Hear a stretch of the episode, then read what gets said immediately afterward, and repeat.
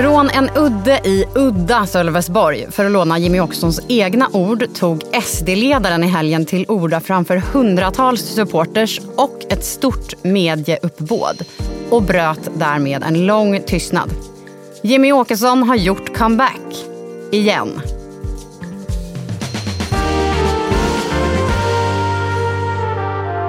Ja, att SD-ledaren varit ledig vill han inte riktigt ställa upp på. Ledig från medierna möjligen. Men det här är inte första gången som Åkesson försvinner och dyker upp igen till allas vår stora fascination. Ändå är han ohotad på tronen, eller? Det här är Älskade politik, idag om SD-kungen Jimmy Åkesson och de brända tronföljarna. Jag heter Evelyn Jones och med mig har jag Lina Lund. Hej. Och Thomas Ramberg. Hej. Och sen ska jag med stor glädje och varm hand kalla upp vår kapten på scenen, Jimmy. Jimmy, Jimmy!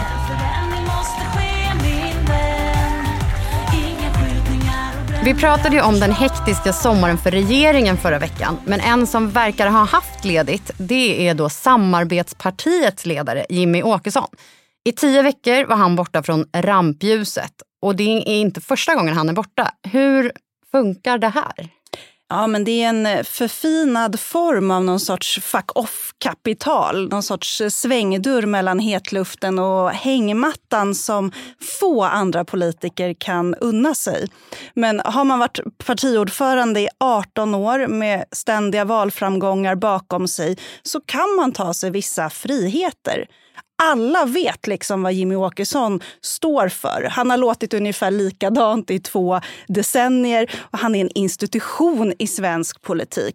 Det förändras inte av en ledig sommar. Så fast vi vill höra honom så behöver han inte höras? Det har också att göra med vad det är för väljare Jimmy Åkesson har. De skiljer sig från andra partiers väljare i ett viktigt avseende. De har inte särskilt högt förtroende för politiken eller överhuvudtaget för etablissemanget.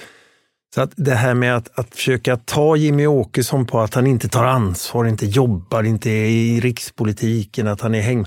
Det där funkar inte i, i den väljarkåren.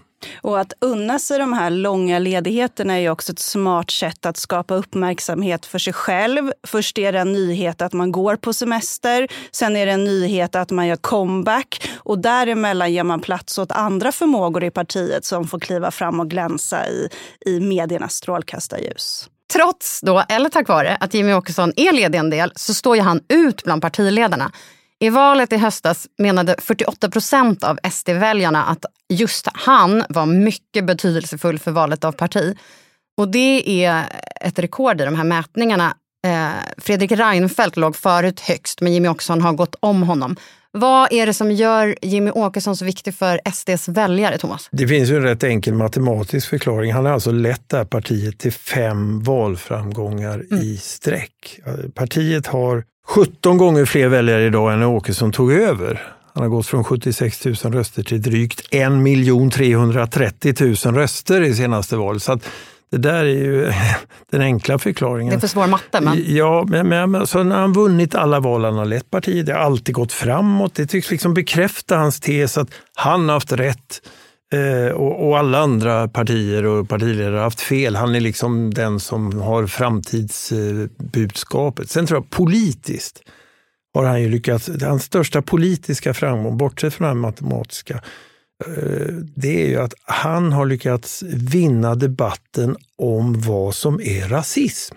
Mm. Den snäva definition av rasism som Sverigedemokraterna saluför, alltså att det bara handlar om genetik och blod och därmed är inte SD, för de är ju bara ute efter att kulturer inte får blandas och då är man inte rasist.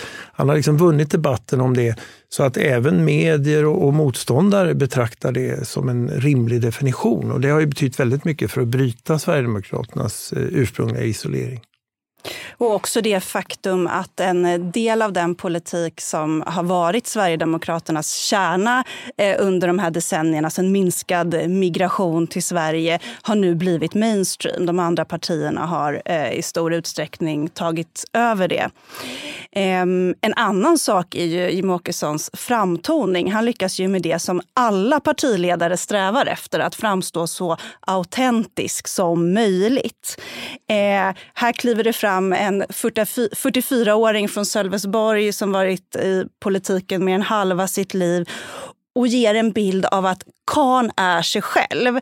Han har varit och låtit nästan likadan så länge någon kan minnas. Han säger vad han tycker och han tycker det han tror på. Och det här är ju lite kontrast till andra politiker där man kan ana hur det finns en PR-byrå i, i bakgrunden som har gjort mindmaps över vilka egenskaper man ska lyfta fram för man tror att de vill väljarna eh, ha och hur personen i fråga ska klä sig, hur man ska tala, i vilka sammanhang man ska synas. Han har ju heller aldrig bytt prioritering. Han har ju haft samma budskap hela vägen.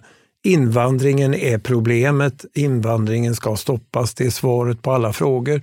Och det skapar ju också en viss trovärdighet om man håller med om det. Och, och, för ett parti som är konservativt så är kontinuiteten kanske extra viktig, både vad gäller person och budskap som förs fram.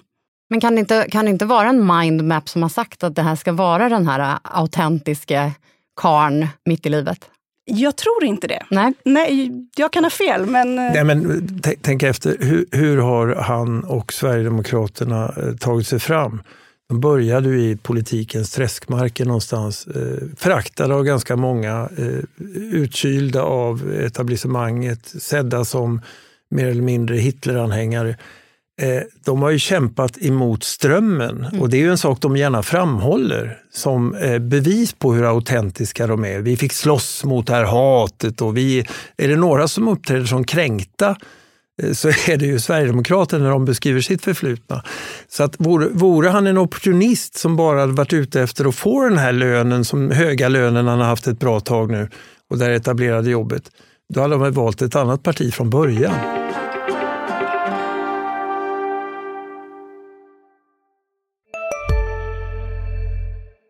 Har du också valt att bli egen? Då är det viktigt att skaffa en bra företagsförsäkring. Hos oss är alla småföretag stora och inga frågor för små. Swedeas företagsförsäkring är anpassad för mindre företag och täcker även sånt som din hemförsäkring inte täcker. Gå in på swedea.se företag och jämför själv. Alltså äter du i duschen? Nej, det gör jag verkligen inte. Men alla gör ju det nu. Duschsnacks, Frans. Vilka är alla? Ja, men alla på TikTok och bloggar och allt möjligt. Så det är, de har en tallrik i duschen och så är det lite så här oliver och ostbågar typ. Nej men gud, tapas. Där drar jag gränsen. Jag, jag kan sträcka mig till duschöl. Men annars så får man torka sig innan man hugger in på godsakerna. Ja, men lyssna på Nära vänner, en podd med mig Fanny och dig Frans med Expressen. Viktiga nyheter. Ni har läst i tidningen. Jag har varit ledig. Jag har varit ledig i tio veckor läste jag i någon tidning att jag har varit ledig. Om man tror att någon eh, med den roll som jag har kan vara ledig, helt ledig alltså i tio veckor. Då, då kan man gå en vecka i mina skor så får man se hur det går att vara ledig. Nu kom då Jimmy Åkesson tillbaka med ett 45 minuter långt tal ungefär framför då, eh, Sverigedemokrater i Sölvesborg. Vad var det då för Jimmy som lyssnarna fick höra? Ja, men det var ju ett ganska klassiskt Åkessons tal. Kanske något mer lågmält än vanligt. Det var ingen riktig folkfest att eh, tala om där i Sölvesborg. Men så är ju läget också ur Jimmie Åkessons perspektiv ganska dystert i Sverige. Han påminde återigen, som vi hört många gånger, om vad han kallar för mångkulturalismen, naiviteten och decennier av vanskötsel har försatt landet i den här farliga situationen nu. Ehm, men det var också någon sorts försvarstal till de väljare som kanske hade hoppats på mer, som inte tycker att SD har åstadkommit nog under den här tiden som eh, regeringsunderlag och som kanske inte ser det här utlovade paradigmskiftet riktigt komma. Han räknade ju upp då de här politikområdena där han menar att SD visst gjort stor skillnad. Skärpta straff, ungdomsfängelser, EUs mest restriktiva migrationspolitik. Man har stoppat regeringen från att sänka a-kassan, sänkt reduktionsplikt och, och så vidare. Mm. Jag tycker hans tal var också ett eh, bra exempel på den här akrobatiken som han själv ganska öppet har talat om att han ska bedriva. Han ska å ena sidan eh, vara ansvarig för alla de här bra sakerna han tycker att Tidöavtalet har fått den här regeringen att göra, samtidigt som han är i opposition mot den här regeringen. Halva talet, mer än halva talet handlar om varför det är så urbota dumt av Gunnar Strömmer och regeringen att gå fram och försöka ändra ordningslagen för att tillfredsställa den här muslimska upprördheten. Och den andra delen handlar om vilket superavtal han har med mm. regeringen och vilken bra regeringspolitik det här är. Och det har ju att göra med att Eh, han, han, vill växa under den här mandatperioden för att sen kunna ta regeringsansvar. Men för att få det förtroendet från andra så måste han ju då hålla i det här avtalet och visa sig regeringsfähig inom citationstecken för att liksom ha möjlighet att, att, göra det. Och det talar ju för att det här håller hela mandatperioden, men under ett evigt skällande mot regeringen, de frågor som inte ingår i avtalet. Men och apropå då det här avtalet med regeringen och som du redan var inne på att SD har kämpat mot etablissemanget. De kom in 2010 i riksdagen. Nu är partiet en del av Tidöavtalet, av regeringsunderlaget. De har till och med tjänstemän i regeringskansliet, dörr i dörr med Ulf Kristersson. Hur lirar det här med SDs väljare? Kan man liksom ha regeringsmaktskakan och fortfarande vara underdogs? Alltså det har ju funkat hyfsat hittills tycker jag. Va? När Jimmy Åkesson säger ju så här, vi blir aldrig en del av etablissemanget. Eh, och sen kan han säga nästa dag, vi ska bli det här stora dominerande partiet i samhället som Socialdemokraterna har varit. Man kan säga att det finns ju en sån här älsklingstes eh, hos de borgerliga som förordade det här samarbetet med Sverigedemokraterna då innan valet. Eh, och, och, den tesen går ungefär ut på att när de väl prövas, får inflytande, då kommer liksom det här monstret att spricka, då kommer bubblan och de avslöjas som det oseriösa missnöjespartier. Och det är så vi ska ta dem. Eh, det har inte visat sig hittills. Vi får se. Vi vet inte facit förrän 2026. Men hittills har ju också faktiskt behållit greppet om sin väljarkår. Eh, jag tror att han ser ju det här regeringssamarbetet väldigt mycket mer långsiktigt. Kristersson är ju liksom ett steg på vägen i kampen om vem som ska leda högern. Ja, men Lenin hade det här begreppet om socialdemokratin, att eh, vi stödjer Socialdemokraterna som repet stöder den hängde. Man kan säga att Åkesson stödjer Moderaterna som repet stöder den hängde. För han har tänkt sig att han själv ska ta över deras roll så småningom. Men det är inte det Ulf Kristersson har tänkt? Jag tror inte han har tänkt det. Nej. Men man har hört Åkesson ett otal gånger likna den här vägen till makten vid ett maratonlopp. Det är ingen snabb löprunda utan det är någonting som får ta tid. Och precis som Thomas säger, målet är att bli de nya Socialdemokraterna. Han upprepade det i talet här häromdagen. Jimmy Åkesson har ju då suttit på partiledarposten nu i 18 år, sedan 2005. Han leder med 10 år över den av riksdagspartiernas ledare som har suttit näst längst och det är Ebba Busch. Eh, I höstas frågade eh, DN Dick Eriksson, SD-tyckaren, eh, om Jimmy Åkessons framtid och han sa då, kan han inte sitta för evigt? Som en liten retorisk fråga. Men kan Jimmy Åkesson sitta för evigt? ja, kanske inte för evigt, men han kan nog sitta så länge han själv önskar. Hur länge satt Alf Svensson? Var det 31 år? Plus? Ja, över 30 år i alla fall. Åkesson har en bra bit kvar dit. Men det som är tydligt är att det är ingen som utmanar Jimmy Åkesson. Ingen i partiet låter ens missnöjd. När man mm. pratar runt med sverigedemokrater så vill nästan ingen ens säga ett kritiskt ord om partiledaren. Och det är ganska ovanligt i, i stora partier. Eh, och så länge SD fortsätter att gå framåt i val och kan maxa sitt inflytande ännu mer så lär han nog sitta säkert. Och ju längre han sitter blir det också desto svårare för en efterträdare att eh, ta över. Det var ju roligt du sa det, Alf Svensson, det är ju en bit kvar. Tage Erlander är också en bit kvar, men Per Albin Hansson har han snart slagit. Den här mandatperioden är färdig så har han suttit längre än Per Albin Hansson som ju satt i över 20 år som partiledare för Socialdemokraterna en gång i tiden. Min gissning är att han ändå fortsätter om Sverigedemokraterna skulle ta sig in i regeringen efter valet 2026. Men alltså gör de inte det, ja, men då lämnar han väl och ägnar sig åt privatlivet misstänker jag.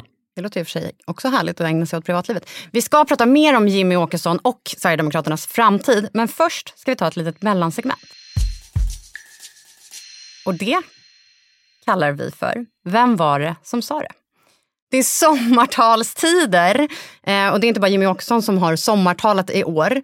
Men vi är inte så konservativa att vi bara väljer sommartal från i år. Utan vi skulle vilja veta, vem var det som sa det. Det är alltså en partiledares sommartal och ni ska berätta för mig vem det var.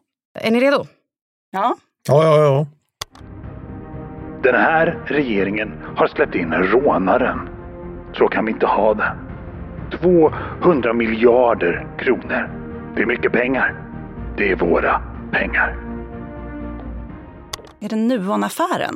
Nej, det, det här är väldigt nutida. Är det ett sommartal i år? Ja. I år? Mm. Ja. Det handlar om bankerna. Ja, det måste ju vara Vänsterpartiets Nooshi Dadgostar. Exakt. Hon, syftar då, hon pratar om att bankrånen har minskat väldigt kraftigt. Men bankerna rånar istället människorna. Och det är då regeringens fel. Vi tar nästa. Det kräver att alla vi som lever med och på och av landsbygden får en större frihet att bestämma över hur vår och våra familjers vardag ska se ut. Ja, det låter ju som eh, Kristdemokraterna. Kunde det ha varit. De har väl försökt ta över landsbygdsrollen. Hjärtlandet. Ja, då är det väl Demirok då. Ja, fast det är hans företrädare. Det är Annie Lööf. Vilket år var det då? Eh, det var hennes sista sommartal, så det var ju förra året. Och den sista då, den här kräver lite personkännedom som jag tror att ni har. Min morfar hette Hjalmar.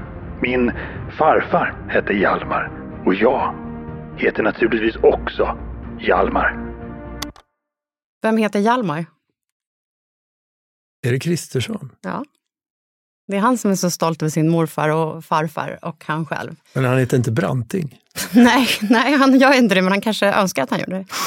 Eh, ja, vi går vidare i Det var svårare än jag trodde faktiskt. Ja, men det är ju sällan de ropar Ulf Hjalmar, kom hit! Men jag måste ändå säga att Viktor, då vår producent, otrolig skådespelarinsats. Ja, verkligen. Du var lite inne på det här innan Thomas, men vad är då Jimmy Åkessons mål? Ja, det är intressant för eh, bara att frågan ställs. Ja, det säger något om det som skiljer SD från de flesta andra partier. Och det var ju, Lina, du var inne på det förut, det här eh, väldigt långsiktiga perspektivet. Och har, att man har liksom en målsättning som är politisk. Och det är ju faktiskt att stoppa invandringen, stoppa muslimskt inflytande. Precis som de säger. Mm. Det är liksom inte bara en catchy gimmick för att fånga väljare, utan det är vad de hela tiden har velat. Och, och då är det här samarbetet som de har nu en sorts stepping stone på vägen där. Och återupprätta folkhemmet, det är ju en ständigt återkommande bild. Jag tror Jimmie Åkesson har väl haft en bild av Per Albin Hansson på sitt arbetsrum och återkommer ofta till den här konservativ, ja, men ändå folkhemskonservativa rörelsen som man tyckte byggde Sverige starkt. Och jag tyckte när man lyssnade på Almedalstalen här från flera partiledare i somras så var det många som var inne och tassade kring den bilden och påminde om hur landet har vuxit framåt. Så det är också en sån bild han gärna greppar kring. Deras förhållande till Per Albin Hansson och folkhemmet är ju rätt så kluvet, för de hyllar ju samtidigt den här ganska knäppa historieskrivningen som går ut på att Socialdemokraterna på något sätt inspirerade Tyskland till förintelsen Ja.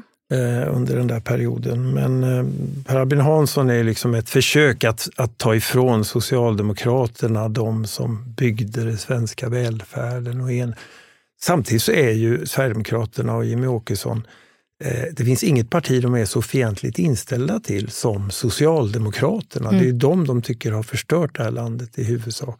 Om man då tar den här frågan i sin mun som många sd inte alls verkar vilja tänka på. Vad händer när Jimmy Åkesson slutar? Finns det några möjliga efterträdare?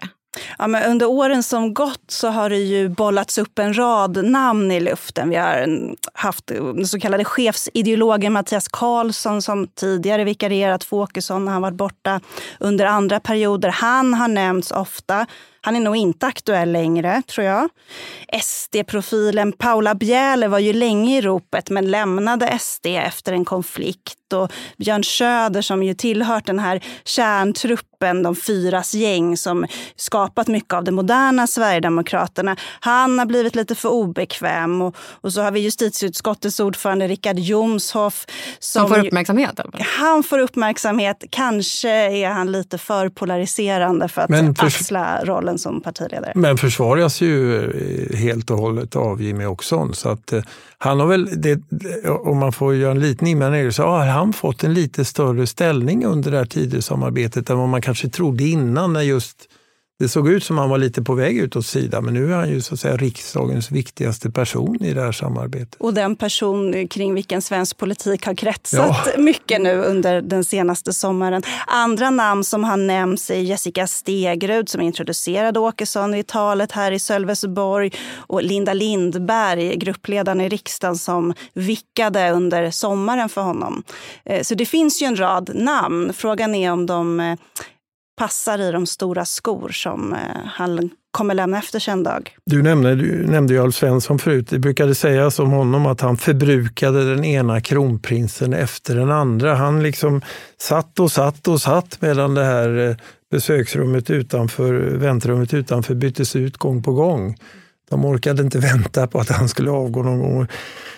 Det är väl helt enkelt alldeles för tidigt att säga vem som kan efterträda Åkesson. Eh, han har ju bara suttit i 18 år än, får ja, tänka på. Blir det över 30 så kan det komma många ja, emellan här. Men med, med tanke på hans ungdom så har han ju ändå lite tid kvar. Du nämnde Alf Svensson här innan att han bytte ut sitt väntrum så många gånger eftersom att han satt så länge som partiledare. Men att det liksom kommer fram människor som får uppmärksamhet men så får de aldrig komma till skott för att liksom Jimmy Åkesson sitter under så lång tid. Hur, hur kan det påverka partiet? Hittills har det ju varit en styrka för dem. Ja, och vi kan ju se nu den här sommaren när Sverigedemokraterna under Jimmy Åkesson och Richard Jomshof faktiskt har trotsat statsministerns, som ju är deras samarbetspartners, eh, uppmaningar att visa besinning, inte uttala sig spetsigt, lugna mm. ner situationen. Det är terrorhot. Vi kan eh, skapa problem för hela nationens säkerhet om vi håller på så här. Men auktoriteten bland den sverigedemokratiska väljarkåren är så stark att eh, Jimmy Åkesson kan kosta på sig att försvara eh, Richard Jomshof när han gör sådär. Eh, sen så kanske det då eh, kan leda till att de som är under honom snarare blir opportuna gentemot honom än gentemot andra. Därför det finns inga fraktioner i Sverigedemokraterna. Det finns inga såna här grupper som står mot varandra och som slåss om att efterträda honom. Så att, eh, Sverigedemokraterna är ju ett väldigt toppstyrt parti, men det kanske blir ännu mer toppstyrt och enigt genom att ingen riktigt väntar sig att han ska avgå snart och då slåss man inte om efterträdarposten. När Jimmy Åkesson då kliver av någon gång, har SD då en framtid utan honom vid rodret? Ja, men eh, man vet ju att Sverigedemokraterna har sneglat en hel del mot Danmark. Det gäller inte bara danska straff utan även Dansk Folkeparti, något av ett systerparti som ju eh, under många år hade en motsvarande roll i dansk politik som SD haft i svensk politik och som hade sina höjdarår under Pia Kjaersgaard, den starka ledaren där eh, och utgjort regeringsunderlag och haft väldigt stort inflytande över opinionen eh, och debatten i Danmark Danmark. Och det är ett parti som bytt partiledare ett par gånger och under den här resan eh, kollapsat, får man säga, opinionen. Man har tappat över halva väljarstödet och eh, spelar inte längre alls den roll man tidigare har gjort. Så det är klart att man blickar ditåt med en viss oro för att något liknande skulle kunna hända i Sverigedemokraterna efter ett skifte. Jag tror inte att Jimmy Åkesson är oersättlig på något vis, eh, men den där utvecklingen du talar om kan ju absolut hända. Sen tror jag inte att det nödvändigtvis har att göra med vilken person som leder partiet, utan sånt här parti lever ju ganska farligt eh, om så att säga, situationen förändras, man själv får makt och allt det där.